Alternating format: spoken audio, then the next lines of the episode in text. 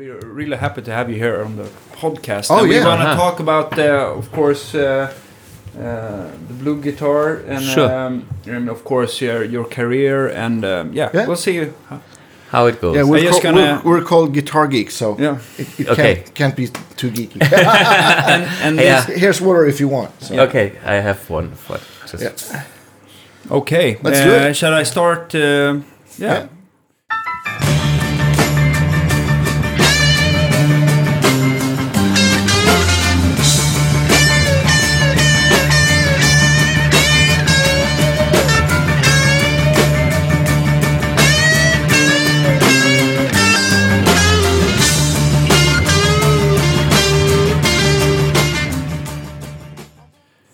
Welcome to Guitar Geeks podcast, episode 85.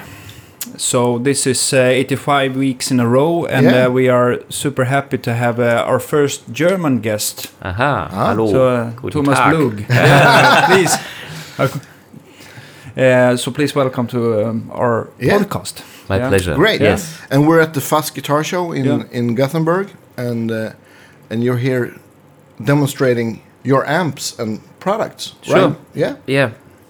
It's a BluGuitar, of course. Yeah. Um, Fuzz Guitar Show, I think, is the best show in Scandinavia. Uh, Yeah, I we agree. think so too. Yeah. Yeah. Yeah. And What we uh, have seen so far. Yeah. Yeah. yeah, for me, it's uh, it's exciting to travel and to see how things are, like in Scandinavia, or sometimes. My next trip after this will be the NAMM show, Summer NAMM, Yeah. Nashville, the Oh, country great. guys. Yeah. Yeah. yeah. so it's nice. Every every country or every city has its own vibe and music too. So Yeah. for me, it's You, it's you nice. do a lot of, of, of music shows, of course. yeah, I I'm, Yeah. I do this for quite a while, um, and I still enjoy it. Yeah. It's it's great to see different players, to see different countries, to talk to the people, to get a feeling for what's going on. Yeah. And um, I think here in Scandinavia you have a very high level of playing. Yeah. Thanks. Uh, so um, you go to, you know, in every country you can find great players, but uh, the overall level here seems to be very high to me. Yeah. I, I think so too. From what I've seen from traveling and touring, and I, Yeah, yeah, I yeah. agree. Yeah. Like when you go to Nashville, they are killer country players. They are killer. Yeah. Nobody plays country like, like them. But I was invited to play with them for jam, and then I found out they they are super brilliant at doing their thing. But once they have to switch to something else, they are totally lost. Even if it's American music, I play to. Okay, I'm not a country guy. I can fake country a little bit, but um, on this jam, I was, um, you know, playing some Hendrix tunes because I know them, and I thought, Yeah. hey, these guys should. They are American. They should know Jimi Hendrix. And they kind of sloppy. it was Oh, like you know, the country kings went to okay. Oh, that's interesting. Yeah. Yeah. Out of so out of the comfort zone. Nice, but you, Yeah. you, uh, I mean, you have. Uh, uh, I, I just read that you have been rewarded as the Strat King of Europe. Yeah, this was, uh, let's put it like a, a lucky coincidence. Okay. My webmaster back then, um, we're talking about the year 2006, Yeah. when the Fender Stratocaster became 50 years old. Yeah. Yeah. Um, ah, sorry, four, 2004. Yes. Because, Yeah. yeah. Um, and, you know, I was not into marketing anything back then. And he said, you know, we just have done this website. And he saw an advertising for this uh, award competition kind of thing, like Europe wide. Um, from it was uh, Fender UK or Fender Europe Yeah. doing that. Okay, and I was not. Oh, I'm not into this kind of thing. You know, it's stupid to me. When I was a kid, I was doing stuff like that. You Yeah. know, uh, to have the challenge. But Yeah. at that time, ah, I thought bullshit. But then, you know, my webmaster said, if you don't put your music, if you don't enter the competition, I will not finish your website. so he forced Ah. me to do it. Yeah. Okay. Bec- but because he, he thought, you know, I was uh, a strat player by heart, and you know I would Yeah. be the right kind of guy to to Yeah. enter a Stratocaster competition. So I entered. First level was only um, they listened to some music you played. So first round. So I made the first round, but another I don't know how many, 50 people also. And this was all over Europe. This was Sweden, this was uh, Poland, France, Ireland, UK, Germany, uh, you know, all, all European countries. Yeah. So many, many players. And then they had finals in the UK, and we had. There is no better player. Everybody is good Yeah. but uh, um, it was um, you know some people played super complex fusion style music Yeah. other players played more straightforward uh, paul rose maybe you know him paul rose uh, played in the band of rory gallagher he kind Oh, of okay. replaced rory gallagher and he's a killer player so you know there's I can imagine. Yeah. yeah, I mean Paul Rose is he plays by heart and he's really really good, as the other players were also re- really good, but I think it it was in front of an, a live audience. They made it really really nice with with a big audience sitting in a park in front of a castle, in in the UK Arundel Castle. And um, we had a band from Paul Carrack, you know, some kind of uh, Yeah, yeah. pop pop soul singer, and um, everybody had to play two songs, and there was uh, judges um, and the audience, and the audience could kind of uh, make noise, and how loud the noise, you got points. Okay. Aha, okay. And um, on the one hand, I had probably good songs, and I was lucky. So you know, I'm not. I do my thing, but uh, technically, I'm probably not not the best player. But it's I saw I saw here at the at, at the Fuzz show that you have a you're a really skilled guitar player. I just yeah, Yeah, but, yeah. but but but you know, I No, mean, but the it- audience probably voted for what they thought was the best music. I guess. I think Yeah, so, and yeah. so so I you know the combination of what I've done was what was cool for them, and Yeah. so I was winning the the award back then. So all good, all happy. Okay, okay. Yeah. But but to me, it's not the biggest thing. But it's it's a nice thing to be honest. I wasn't expecting it, you No. know, and I, I thought it's bullshit anyhow. But you know, the pay uh, the, the trip was paid, Yeah. So Yeah. I had to look at the castle. I met all the other players, Yeah. and some of them we are still kind of connected, uh, are friends. Uh, Ah, cool. Which, which, in the end, is all good. and and you have a website. I have a website. Yeah, yeah, That's great. yeah. yeah. Cool. Uh, I I just wonder a little bit uh, how you got into amp uh, manufacturing and designing. Yeah. Because you started out uh, at uh, Hughes and Kettner, I heard. Yeah, even before that, Okay. Hughes and Kettner is people know me from from Hughes and Kettner. Yeah. Back in days, I was with Hughes and Kettner as a freelance guy for 27 years. Oh. Okay. so very very long um, but actually it all began in my childhood when i was 11 electronics was my first hobby Uh-huh. and when i was 14 i picked up the guitar and went crazy on the guitar Okay. and then i stopped the electronics uh, when i was like 20 because i had to, to make a decision now what is my priority and um, when i was a teenager still at school I had the time to, to do like both. And so I was making my own handmade amps and modifying amps um, on a lower level. And then when I was 20, 21 or something, um, I got hired by and Kettner because they needed somebody that plays the guitar and speaks English. And I was demonstrating their first product, which I liked from the concept, but I was not so happy with the tone.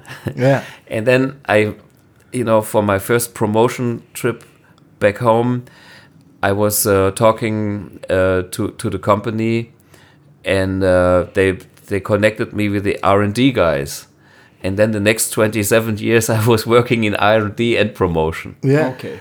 Um, and I've done beautiful things with Hughes and Kettner.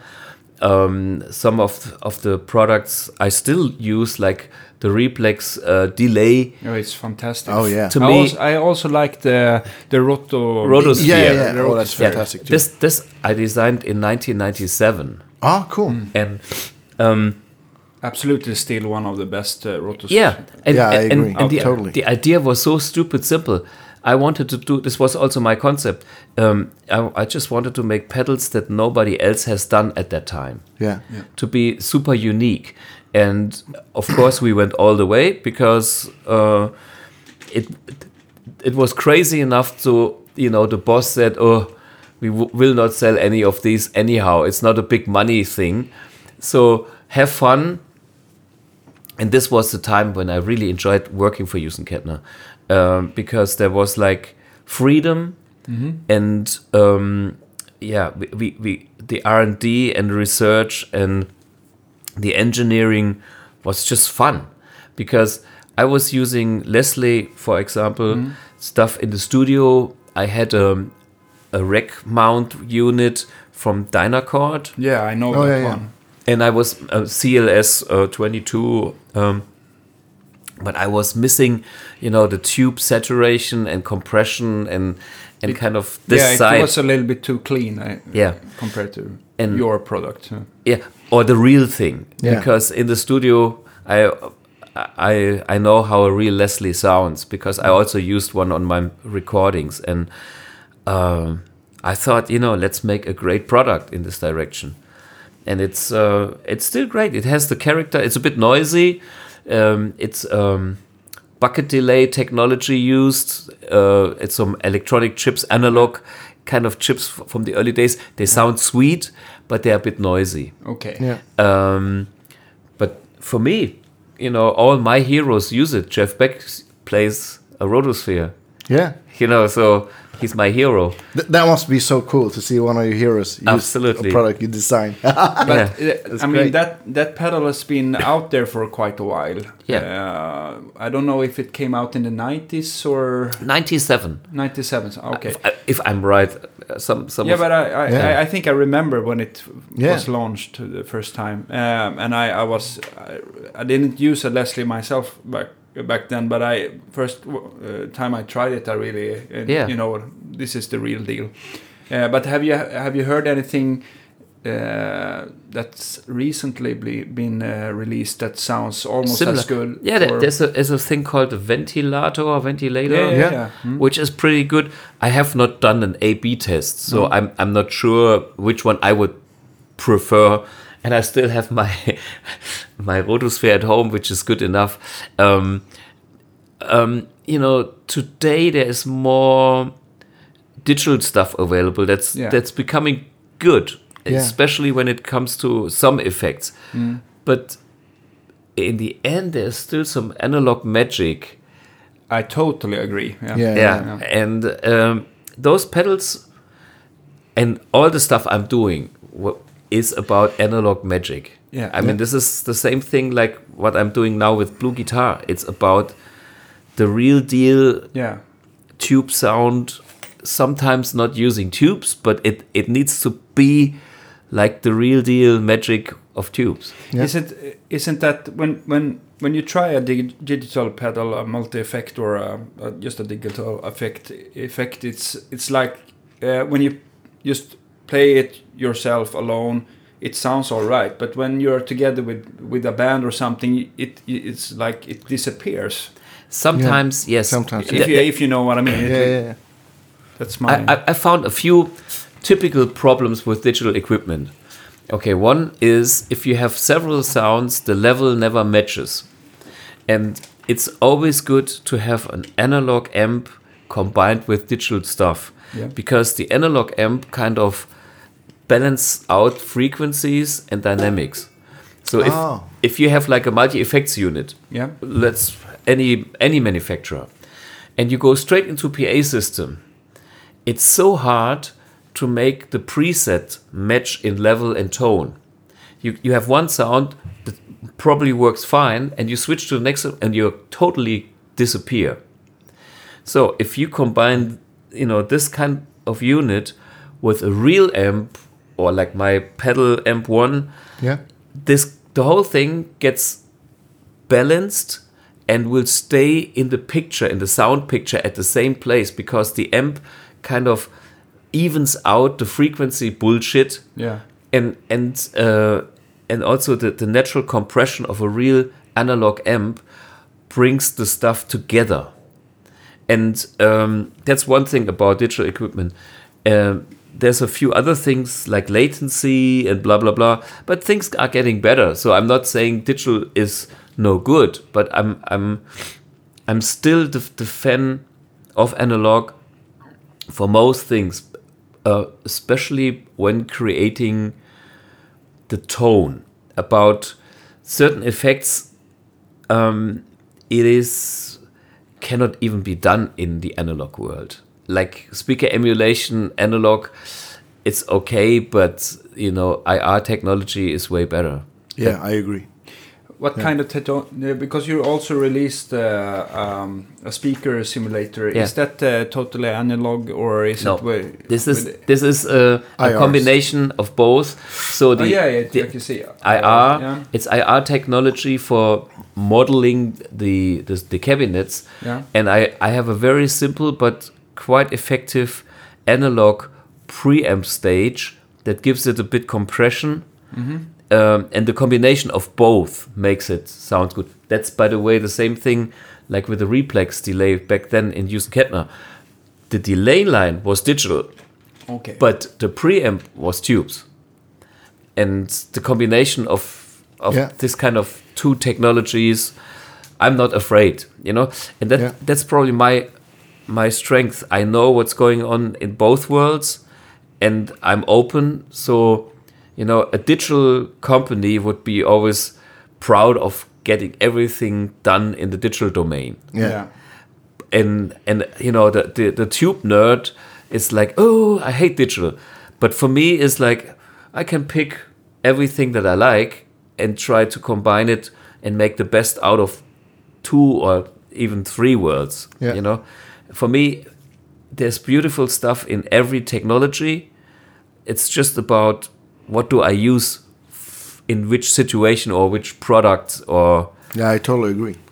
Yeah. yeah But isn't it like that in an analog delay that you have a, you have to compromise? If you want to do it analog way, you have to you have to de- need more chip to get the the, the time more time, Yeah. and you need more chip to get more bandwidth. I guess both yeah, Yeah. And and and, it, it I guess it gets no, more noisy and more pricey, and it's Yeah, but even if we don't talk about price, Yeah. um, just for the sound. yeah Okay, the, the beauty about these analog chips for delay is they have a limited bandwidth, yeah um, which is part of the sound and Yeah. the character.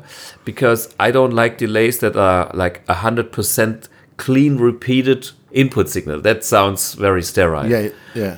but it comes to a point where you cannot control it if you have a long delay time you know like the this um, the, the chips get so noisy it's no fun anymore so my theory is it's better to have a clean delay probably created digitally and get this beefed up with analog like compression saturation to make it sound analog but still being digital then you can control it. Have a, a did, uh, an analog circuitry that makes the digital pure delay line sound analog. That's that's the way i, I like and, and also that that you don't have a like a AD DA uh, conversion for the whole sound. I, I guess the, the the the your your tone is still analog, but the repeats are digital. That's, Exactly. Yeah. and that's And- that's something else. and the repeats are analog processed, Yeah. which means the the analog circuit gives the repeat an analog character, makes the sound richer with overtones from you know back in the days with the Replex we did it with a tube. Yeah. But uh, I could do it without tubes lately and being as good Yeah. um, but it's all analog. It's not modeled.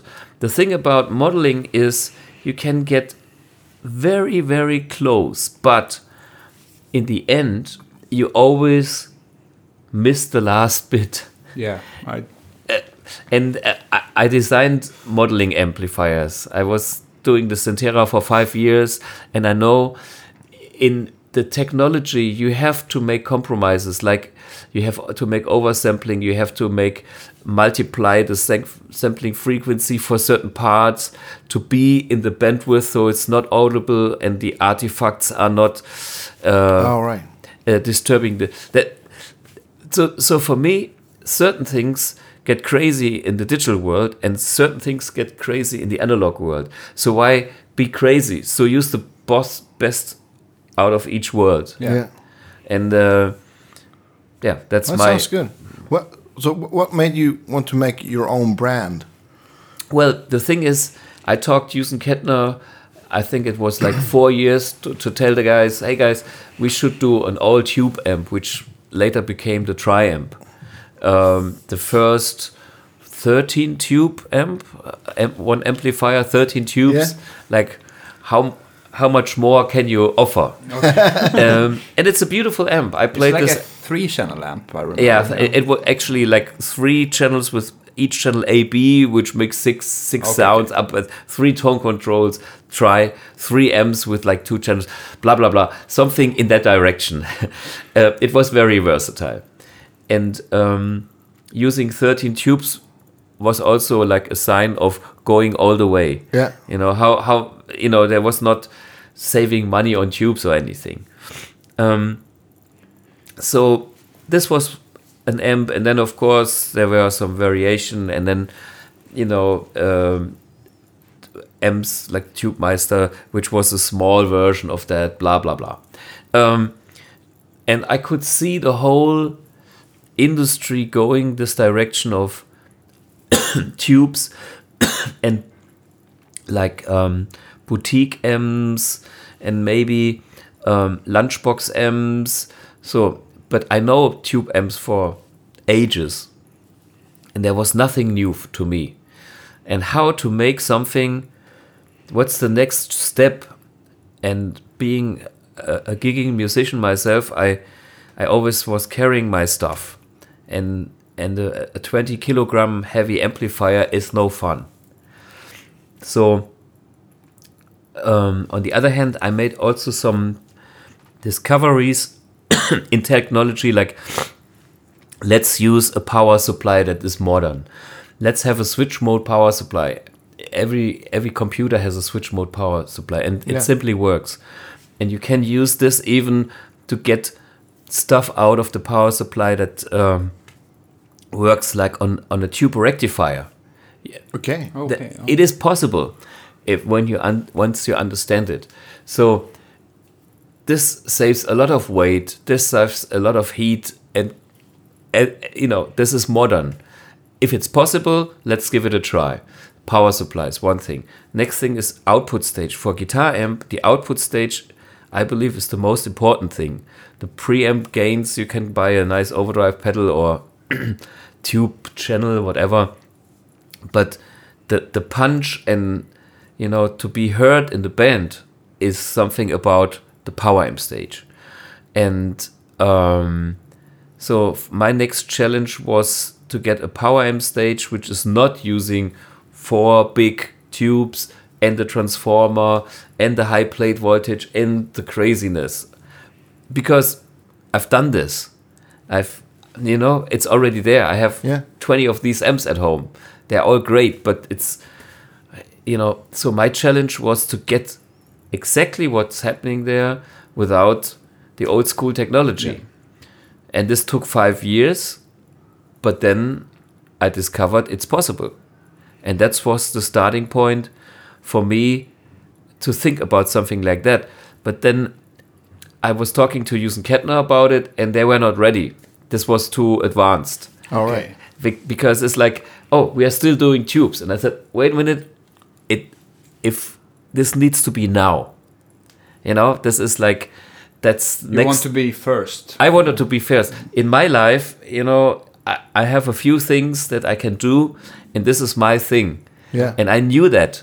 You know, I knew because I knew digital technology, and I knew all tube technology, transistor, blah blah blah, the standard stuff, and I, I knew where the market was going, and for me this was like, let's do this now, and um, also when you work for another company, you always have to to find a budget for R and D and stuff, and you know I wanted to do it non-compromise.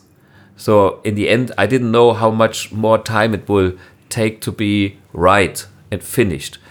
So I took the risk myself, and then you know, so I was my own boss and Yeah. put all my money into it. It's great to be your own boss. Well, there's two sides for that. Yeah, yeah. One side is I can't decide what I do, but on the other hand, it's my money. yeah, yeah. That's true. Yeah. Yeah. And, and then you came up. Uh, the result was the amp one, right? Uh, and uh, what you what uh, I, I remember when it first came out, uh, it I was um, really impressed about because you get uh, uh, these analog sounds. You get 100, 100 watts. yeah. Uh, I don't know if it's class D or what kind of. It is a combination of Class D um, and this nanotube, which is a Russian subminiature tube, Yeah. and some analog parts. Um, it is a complex thing to make the power amp do the same stuff that a real tube amp with transformers do. Because I know this is the crucial thing in the guitar amp. But most other people think, oh, Class D, I know it. It's a sterile, you know, makes it louder. This amp one even has a power soak built in, so I can prove that my power amp stage, I can scale it from 100 watts, and then you can compare it to any other, you name it, Marshall, Mesa, Valve power amp, Yeah. and see how my amp power amp reacts against this. I can even dial it down to 7 watts or 20 watts and and you will see that the power amp does the same things with the harmonics, with the compression, with saturation. Yeah, because because uh, Class D power stages they are they are known for not distorting that good. Exactly. If if you if you come to a a PA speaker or like an active Yeah. speaker, it's like that there, and uh, it could be dangerous sometimes for the speakers as well that you destroy them. And it's a very efficient technology, Yeah. but it, it's not musical. It's not musical as a tube amp. A tube power amp for me is like like if you have a um, you know a real drum kit in the band. You can you can hit it, you can hit it harder, but Yeah. up after a certain point it will not get any louder. No. and and the overtones will will change and a tube power amp does the same similar to this real you know drum kit and that's why a tube amp works so nicely in a band and if you have something else it's like either too loud or too low. You never find it. And it's a dynamic process. Even each note is affected from doing that. And this makes it it, it kind of blends with the rest of the band organic. And this is it is not only uh, the physics of the of the of the amplifier and it is part of the instrument and the sound culture of a band Okay. to me Yeah, yeah. Yeah, yeah. um, it, if you have an orchestra, you know, you have to to you have to think about the layout of the orchestra, how many double basses, how many violins you have to make a nice blend, and and where to place them eh, to make it work. And this is like if you have a tube amp, it's a proven thing that works in a band, and um, I know how it feels if it's not right. and I know how it feels for me if I play a good tube amp. And this is what I'm after. And so I know my power amp stage has to do exactly what I I know from a good Valve all tube power amp stage. Without that, it's a joke. And Yeah. I wouldn't have done it. So this this was my uh, yeah important thing here. This makes me want to uh, ask that uh, which amplifier if you if you are you when you first started playing were you your favorite sound was it old Marshall or Mesa Boogies or uh, what, what was your you know- favorite amp back in Sure? I have my own uh, favorite amps because uh, it's my yeah my style and my my flavor. Um, and I'm inspired. Let's put it that way. A Yeah, lot yeah. By That's what I meant. I think. yeah by by Marshalls because I'm a I'm basically a blues rock classic rock player. That's my kind of sound. Um, I do have Fenders. Uh, I have a Princeton. I uh, I have a Super Reverb. I have a Twin. Uh, I have a 57 Deluxe. So this is the fifth Fender. Yeah. Uh, you know, Vox AC30, and I have some modern amps like uh, Rectifier and my Hughes and Kettner uh, stuff, and a, a couple of Bogner preamps and whatever. You know, so um, out of like my collection of amplifiers, I I'm always inspired for types of tone. So, you know, if I um, if I wanted to make a copy of one particular amp, this could be one aim. But I'm I'm more like more abstract. It's like I like the plexi complexity Yeah. um, and dynamics, but you know, I have like 10 of the plexis and they're all great and they're all different. And the reason is because back in the days, in the in the 60s, 70s, they just throw in different components. Yeah. So and and they're all great. And this one is is a little bit has more uh, sing quality. The next one has has a bit tight, more tightness. The next one works a, a bit better with the Les Paul. The next one is a bit better with the Strat. So you know, Plexi is is kind of one of my things, and I. Uh, I have like 10. But You have a lot of amps. too many, too many. but- no, you can't have. You can always have one more. yeah. Yeah, but when it comes to old plexis, do you think it uh, the transformers or the tubes affect the most the sound, or where do you think where is the magic? um, everything affects the sound. Yeah. When it comes to plexis, it's first the question is a 50 or 100 watt. Yeah.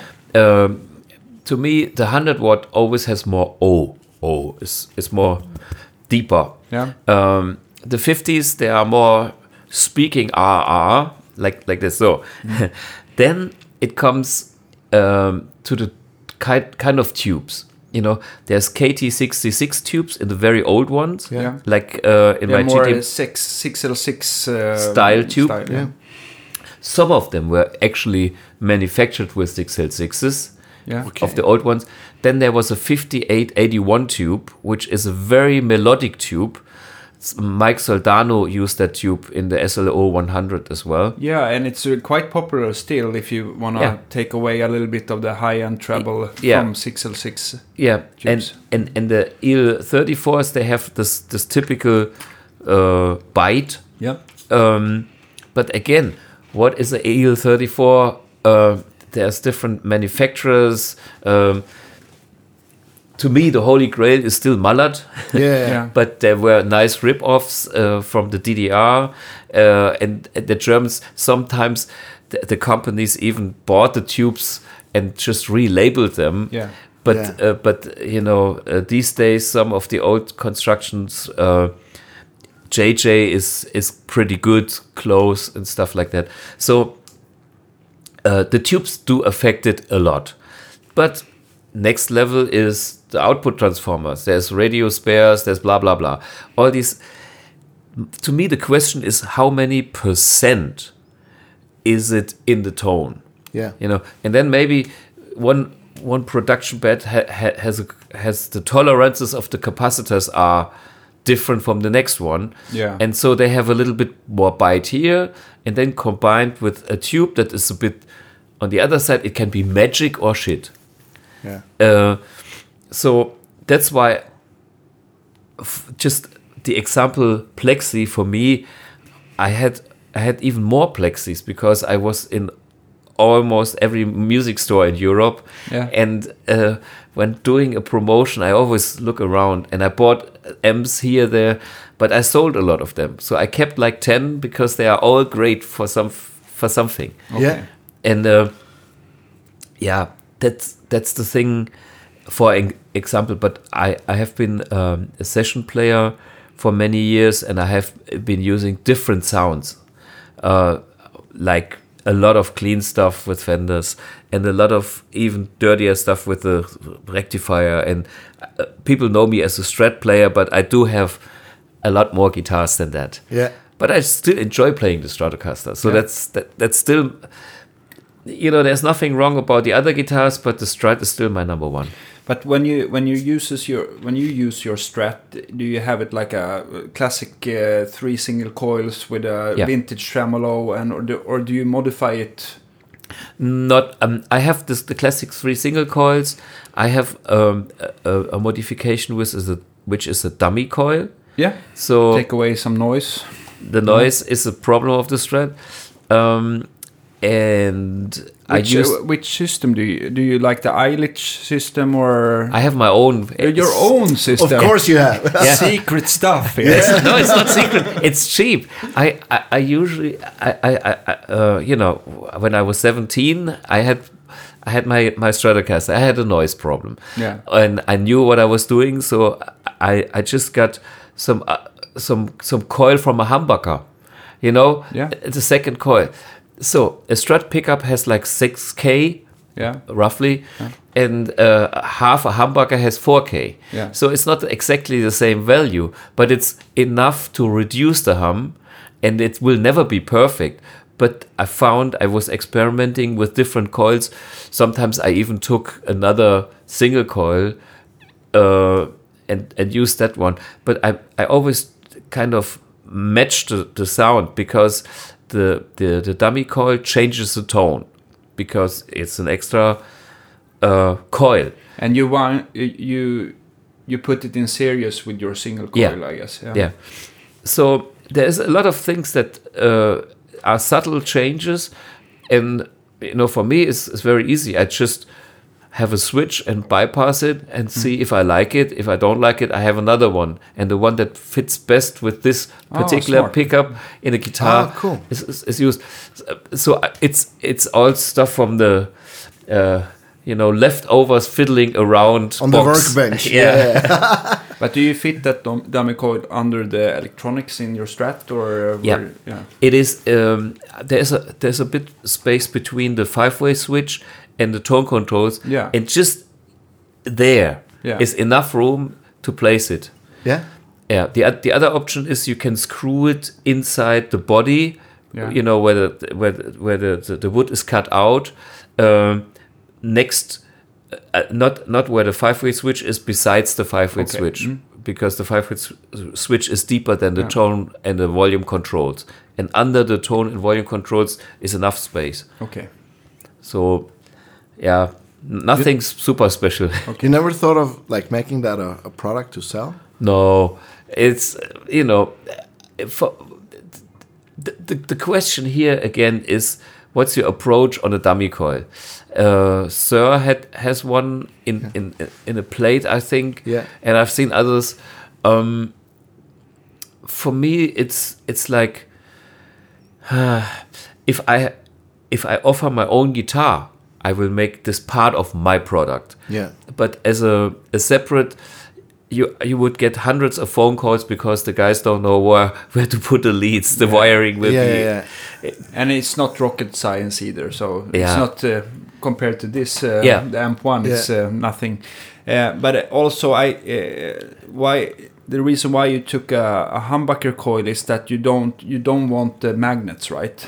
yeah i don't let's put it that way i'm i don't want all the magnets Okay. a few is good Yeah. Okay. um but again you can experiment with that Okay. um, it, it is for me the dummy coil is also like a little tone shape when i engage the dummy coil it will automatically reduce some high end and by changing or by having by listening to different coils you can also move the frequency peak of the of your Oh, of your single coil. Yeah. so and you know a guitar has a lot of resonances in the neck in the body and the pickup. And then this is one factor to tweak it to where you like to have it. And sometimes it will maybe get your your bridge single coil more versatile because so- for Yeah. some sounds it have too much harmonics. Exactly. yeah and that's uh, it's just one parameter in the game that I can use Yeah. and uh, makes uh, and every guitar is like different, especially with Stratocasters. It's so hard to find two, so it's hard for me to to make one recipe uh, That will work with for everybody. Yeah, yeah, that's true. I- I was just wondering about the Amp One. Um, you have only released it as a as a in a pedal platform, right? Yeah. Uh, what was the decision of making uh, it into a pedal instead of a head or a Yeah. combo or yeah? Well, um, my first idea was if I make this uh, in a head format, I still need a foot switch. Yeah. So then I have a head, then I have a foot switch. So what's the use of it? The amp one is so small; it is a foot switch and an amp, everything in one box. The problem about it is nobody believes that this is an amp because it uh, wa- It's too small. it's too small. yeah, yeah. It looks like a preamp uh, Yeah. or some modern digital device. Yeah. And I, I, I- I choose the name Amp One to tell the world this is a real amp. Yeah. but it's it, it's still uh, so many people don't believe it because you know they look at big heads and say, "Oh, this is a proper amp. This is good." And now lately, I do A/B testings with A/B switches w- against my beloved old amplifiers or somebody else's amplifiers. Okay. Like on YouTube, there's is a guy I've done HP42 against Soldano, uh, boutique, boutique, boutique. Yeah. And it's like scary because the difference this guy was playing and he couldn't tell in 50% of the different which amp he was playing. Is this on your YouTube channel? It is in it is on YouTube. The guy is called HP42. He talks a lot. Skip the first 15 minutes Yeah. and listen to the sounds. We'll post that to our page. This Yes, please. Sounds like and there's there's another one coming out soon. Um, that pedal show from the UK. Oh, yeah, yeah. It's Yeah. quite popular. Yeah. I yeah, heard. and and a very you know these guys have big ears. Yeah. And uh, they tried so much, so uh, that yeah. they heard a lot. Yeah. And I, I did the challenge um, with Mick Taylor, Mm-hmm. and Mick was playing a guitar. He didn't know which amp he was playing.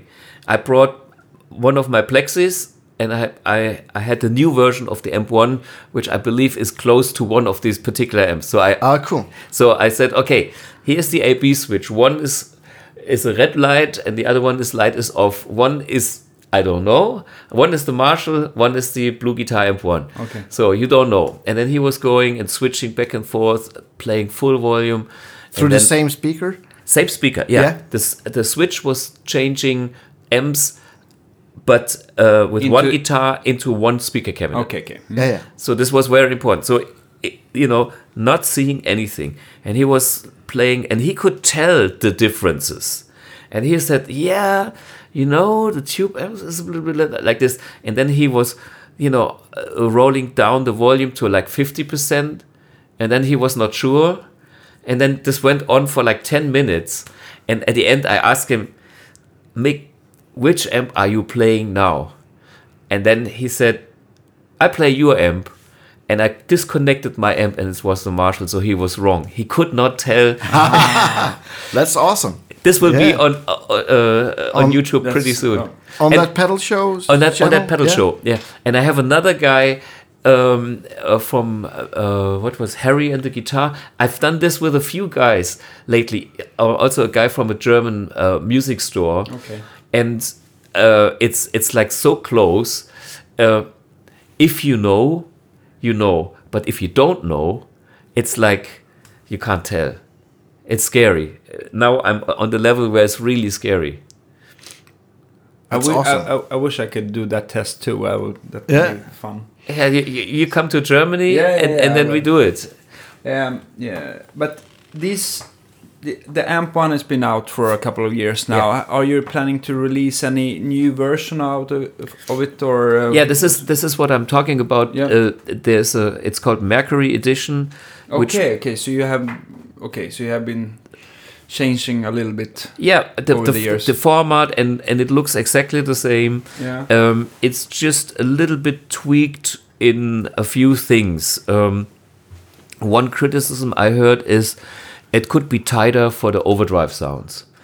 some overdrive sounds. Um, let's put it that way: when you play metal and steel hard rock, the amp1 as it is now is just okay, but there's um, yeah, I, I you know if if some players they, they want it tighter and this is what i have uh, realized with the new mercury edition and this was again a process. At the beginning i had this but i lost all my vintage qualities. Okay. and uh, now i'm happy because i kind of still have my own old good old vintage qualities from the current M1, but still have this extra range of more tightness for the for the metal guys and for the so it's it's amp1 but just a little little bit more versatile More switches or no same exactly same Yeah. uh, amount of switches it looks the same has just a little mercury on the back to to, to show you ah this is the Okay. this is the later version You just tweak the, the sounds a little Yeah. bit. Yeah. yeah. but the concept is exactly the same so Nice. No. Looking forward to try that one. Oh yeah. I, I also heard uh, about your your speaker cabinets that they are something else. Um, was Yeah, it like hard to find uh, um, a speaker that sounded good in the setup, or what? What were Yeah. you looking for when you desi- designed those? Yeah, okay. About the speaker, there's a very simple history. I have uh, nice big cabinets, 4x12s, and blah, blah, blah. But uh, my reality is that I play, you know, standard clubs, uh, sometimes outdoor street fests or something, but no stadiums anymore. So I used to be in a band. We opened up for Michael Jackson. I was, you know, on a big stage and uh, having big cabinets and some guy lugging it around for me. But now I have to, to, to do this all myself, no problem. So I want a cabinet that is giving me, me a big tone, but at a bit lower volume. I'm still in a band where I want to listen to the drummer and I want to have the connection, you know. But if you have four 12 inch speakers, you have you move a lot of air, Yeah. Yeah. which is a great thing. But if you play in a small club, it's probably too much. Somebody always yells at you, "Hey, turn that guitar down." Yeah. So my idea was to make compact cabinets that are easier to carry, but mainly to be sounding alive at a bit lower volume. So they are still on the level of a real drum kit, Yeah. but they are they are not uh, uh, much louder, which which means um, you can crank the cabinet and the ca- cabinet comes really alive At a lower volume. at a at a lower lower oh, that's interesting. But did you solve that problem to to find a speaker with lower sensitivity, or or just that the, it was a small num- smaller number of speakers? a smaller number of speakers because I wanted some, to have something compact too. So I started. My first cabinet was the Fat Cap. Yeah. Um, it's a 112 cabinet with a lot of low end because this was kind of my idea to replace my 4x12 in a 1x12 format. I mean, it is not a 4x12 because four speakers is still something different from 112, but I can do everything I have been doing with 4x12s on this cabinet. And this works for me perfectly. But it looks like it's got it. Uh, to me, it looks like it. It would fit two twelve inch No, no, speakers. when- it is. This is ported. It's a Thiele Ah, small okay, okay. Uh, housing with with a with a double kind of resonance thing. One is the port is very low, so it kind of gets you low end that is incredible for for this kind of format. Okay. Yeah. And so, uh, and the other thing is the cabinet itself inside gives you low mids because it's kind of big, and and this low end f- from the from the base portation plus the internal resonance of Yeah. the cabinet sum up to make this kind of I'm a big boy Yeah, four by twelve uh, feeling Okay. and so that's that's the fat cap Yeah, and, and then the- the, the nano cap is um is a 12 inch speaker. Uh, by the way, all cabinets have my own BluGuitar 12 inch speakers. Was, I love. was it hard to find a speaker that could handle all that power you got from the amp? Yeah, that, that, that that's one aspect. Um, in the past, I had very nice connection with Celestions. Yeah. I was very close friends with Ian White, who who designed the Vintage 30. Yeah. But he retired. Okay. And the new guys, they are super nice people, but I was not so connected with them. And I know a Korean manufacturer, which I have better connections. So, you know, I try to make uh, special speakers and I have special requests. And I kind of torture the manufacturer a little bit because I want more samples, I want this and that. And so, and this Korean company actually went with me all the way. Celestion Nice. kind of have, has nice speakers, but they do what they do Yeah. and I have my own cabinets and I decided this is my housing so now let's find the best speaker and in my fat cap a greenback sounds fantastic but it's only 25 watts Yeah. Yeah, it's too weak for. and I killed already four of them uh, when when there was not even BluGuitar on a private level you know I was using my fat cap even before the, the company existed Okay. Oh, okay. Was my So how did you come up with that? Did you like did you build different sizes of caps or did you like do math and like this would be the proper size to get Actually, the starting point was like the Mesa Boogie type of Thiele cabinet, Yeah.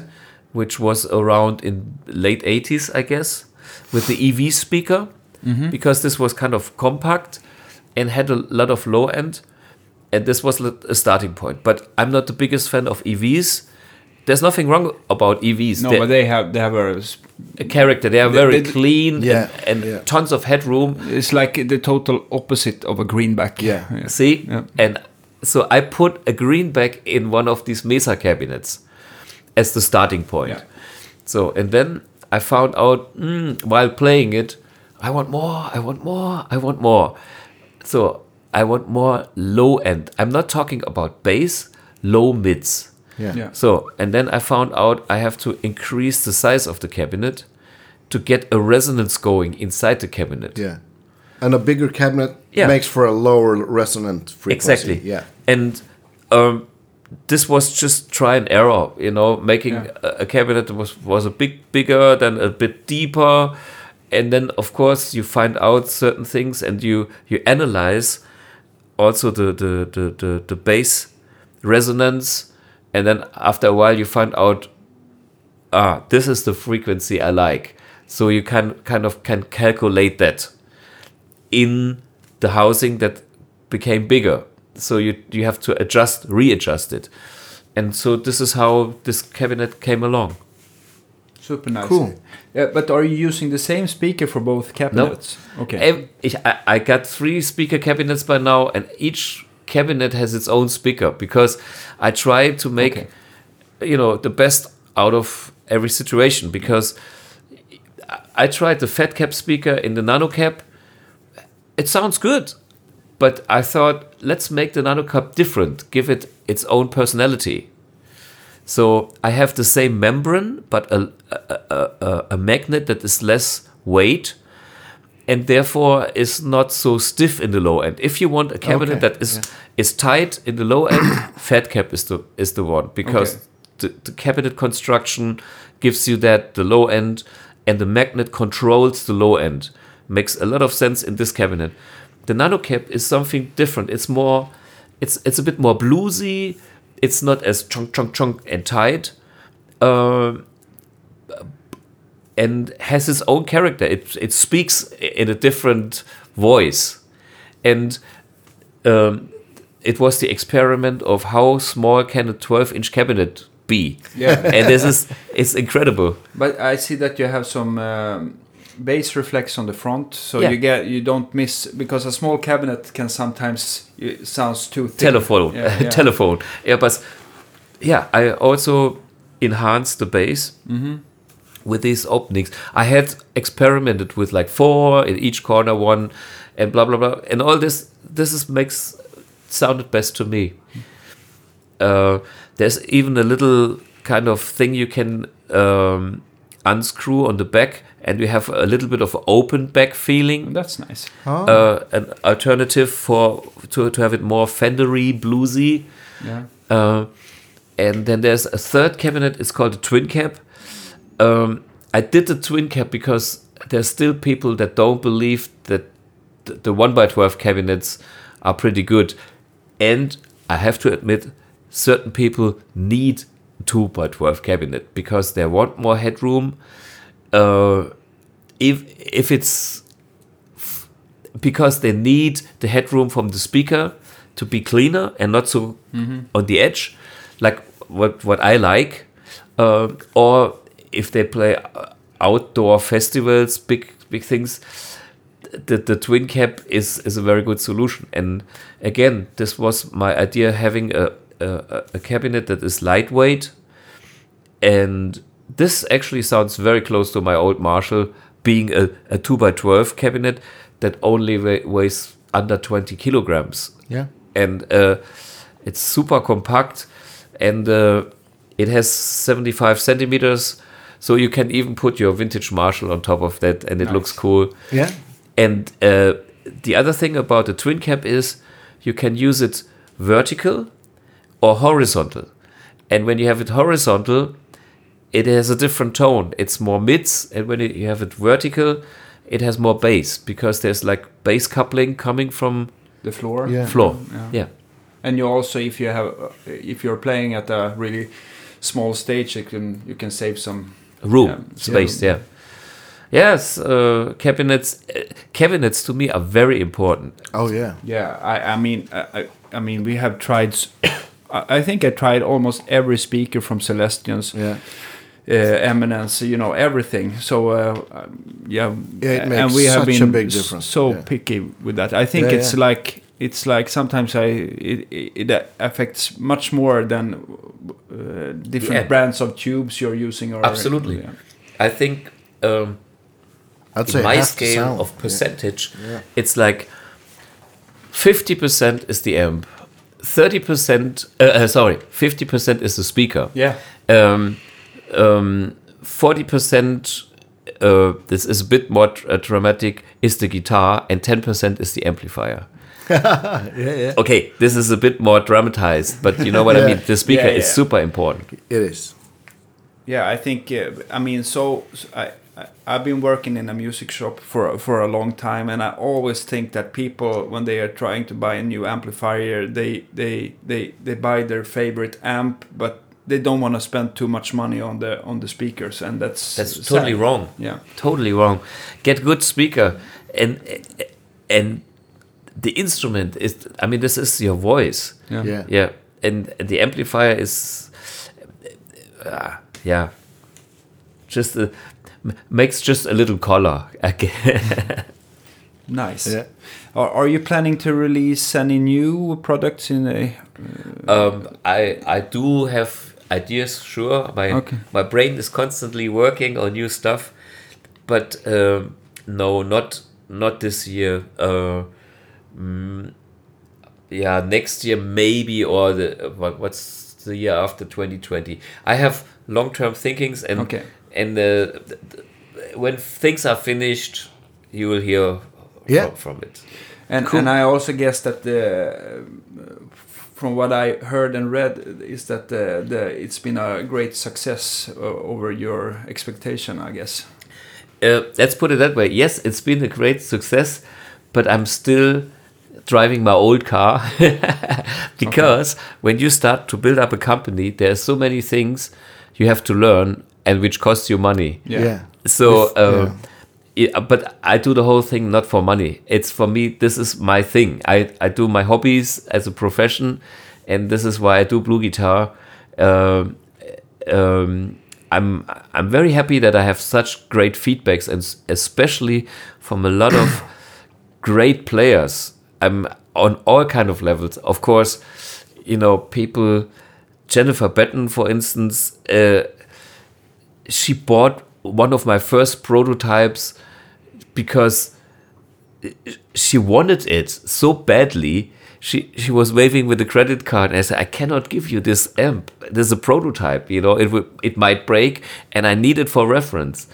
And she's still so happy. This is what make, makes me happy mm-hmm. because it really makes her happy to, to use it, and and the same like Ian from Saga, he you know he he. he they do kind of a farewell tour worldwide and they on you know on the rider list they have like marshalls or whatever you know great amps. And when i see the pictures it's always some amplifier but all the cables are connected to my amp.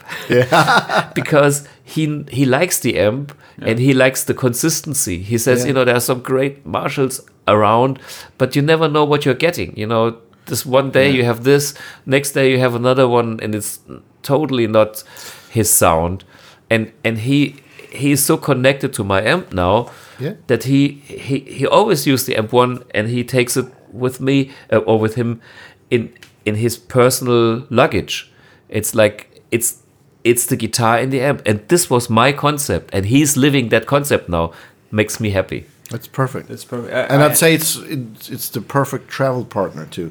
yeah Yeah, and I, and I guess I mean, uh, if you want to get the sound of a tube amp, you always have you, you're always a little bit worried about if it's gonna break. Sure. Yeah, um, I guess this one last. I mean, the the the nanotube is is uh, they don't have the same kind of voltage, I guess. Uh, as no, a, it's and it there's even a little trick. The the subminiature tubes have a a, a curve that is a little bit sharper, okay. and with a trick, not by lowering the plate voltage, by lowering the heat voltage, we can Yeah. get it softer, Ah, and this doubles the lifespan of the tube. perfect. And this is Russian military spec uh, lifespan, which says after I don't know 500,000 hours, 97% of these tubes must deliver the same performance. So okay, after solar. Uh, yeah, time, 97%. And this is already three times more than the standard tube, three times plus this other makes six times, and this is 97% of these tubes. We had not a single tube failure so far. So That's amazing. this, this is the most Yeah. reliable part on the whole project. Nobody believes that, but it's it's actually true. It because it's also like the last generation uh, or one of the last generations in tube designs at all. So this is you know it's not big plates. It's not something that can start to rattle. It's it's mechanically well built mili- for the Russian military Yeah. purposes. Yeah. yeah. I mean. It, they have their Sputniks or whatever. So what? Yeah, Oh, sorry. sorry, sorry. You first. So what's uh, what's happening with your music? Are you f- recording or releasing any new material, or or are you out playing? You said you play with your band. What's your band? yeah yeah I, at this point i i have like two projects that uh i i play a lot with it's uh it's Blug Plays hendrix and the other one is uh rock anarchy um for two reasons it is something that i have tons of fun with Yeah. um, Hendrix, I started as a fun thing, like uh, uh, Hendrix' birthday, and uh, I always liked Hendrix, but I thought to play Hendrix uh, too close to the original is not my cup of tea. I like the songs, and I want to to do my version of that. So this went on. It was not planned for long, but it, this goes on for like ten years already now. Um, and another thing also turned out to be great is called the rock anarchy we play the songs that nobody is allowed to play anymore it's like i mean the worst song on the set list would be smoke on the water Yeah. okay we don't play that that often but sometimes i play it too but the way we play it is like never try to be original uh, Ah, it, okay. it is like I I play uh, the intro from Pink Floyd, "Shine on Your Crazy Diamond." I go into long train running meets smoke on the water ends in burn everything in G. Yeah. you know, it's kind of a mashup, uh, a fun band. Okay. And uh, th- the thing is, uh, I invited so many great players because everybody knows that, that those tunes we never rehearsed, never Yeah. ever, and uh, we can just throw people in. You know, it's I've I've done it with uh, Mick Rogers from Manfred Mann's Earth Band like two weeks ago. Um, next week is a very famous German guitar player. Uh, I've done it with uh, uh, I think 50 different drummers. We don't have a we, ha- we don't have a fixed drummer. We have like th- this keeps it fresh. You know, we have Yeah, yeah, yeah. th- all different kind of drummers. You know, funky drummers or real rock drummers or uh, even legend uh, Pete York. Uh, f- you know, beat drummers. Yeah. and that's super fun to play with. Um, but I also in the background I write some new material for my next solo um, CD, which might not be instrumental, which might be something surprise. Okay. Yeah, But, but that, nice. and that will be number four. Or, or Oh, I have, you really released three or um, how many solo albums have you released? The Beauty of Simplicity, Electric Gallery, uh, 21st Century Guitar. Then there was Soul and Pepper, which is four. Okay, so now number five. and Life in Ralte is Ah. five. Of Life in Ralte is is is different versions of of what we heard before. okay. Um, yeah, so these are all my compositions. I have more ideas for melodies, but I thought, you know, why making another instrumental album? I've already done four, and I might do one instrumental on the next album. But I have a vision for some other fresh music I wanted to do in my life Ah, cool. and that's that's on my list. But I'm busy with doing M's. I'm busy with doing, you know, the gigs, um, and, And stuff like this, of course. Sure, Shows which is all fun. So it takes time, but you know, there's another ten years to come, and one day we'll Yeah. see that. Yeah. Uh, Which which which forum is the best way to try out a new guitar amplifier? Is it in the studio or on stage? You think? For me, it's always uh, both, but mainly on stage. I mean, in the studio, I can tweak stuff and I can hear how things work and I can really listen in, in depth. But how things work on stage is for me more. Imp- I think it's it's more important because uh, in the studio I can get a good sound out of a lot of things. I, I know how to tweak them too. That's Yeah. my Yeah, yeah, profession. Yeah. Nice. Uh, We we have um, uh, always a question that we ask all our um, guests. Yeah. Ah, And, the, uh, git, the Guitar Geeks question. Yeah, yeah. Yeah. It's the like the house. is. The house is burning at home, and you can only say, say one guitar thing. Which which uh, uh, which thing will it be before the the house burns down? It's my white 61 Fender Stratocaster. Okay. That was an easy question for you. Yeah. yeah. Because this guitar has been with me since I was 17 and it worked every time. Yeah. Every time. And I probably have some other great stuff in my house, but this guitar never lets me down.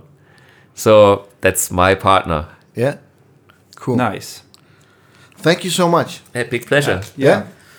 So, So, yeah. See Yeah. you. We um, you will hear us next Thursday as Oh, yeah. usual. Yeah. and we'll post some links to Thomas' music and amp shootouts and whatnot. Oh, Yeah, I'm looking yeah, forward please. to that. Oh, yeah. Yeah. Huh? I can I can send you a few links via email. Yes, yeah, please. yeah, yeah. yeah. And we That's put it out on Facebook together Yeah. with our po- Yeah. the other Super. stuff. Yeah. Cool. Take care, Thank you guys. very much. Bye-bye. Bye bye. Bye bye.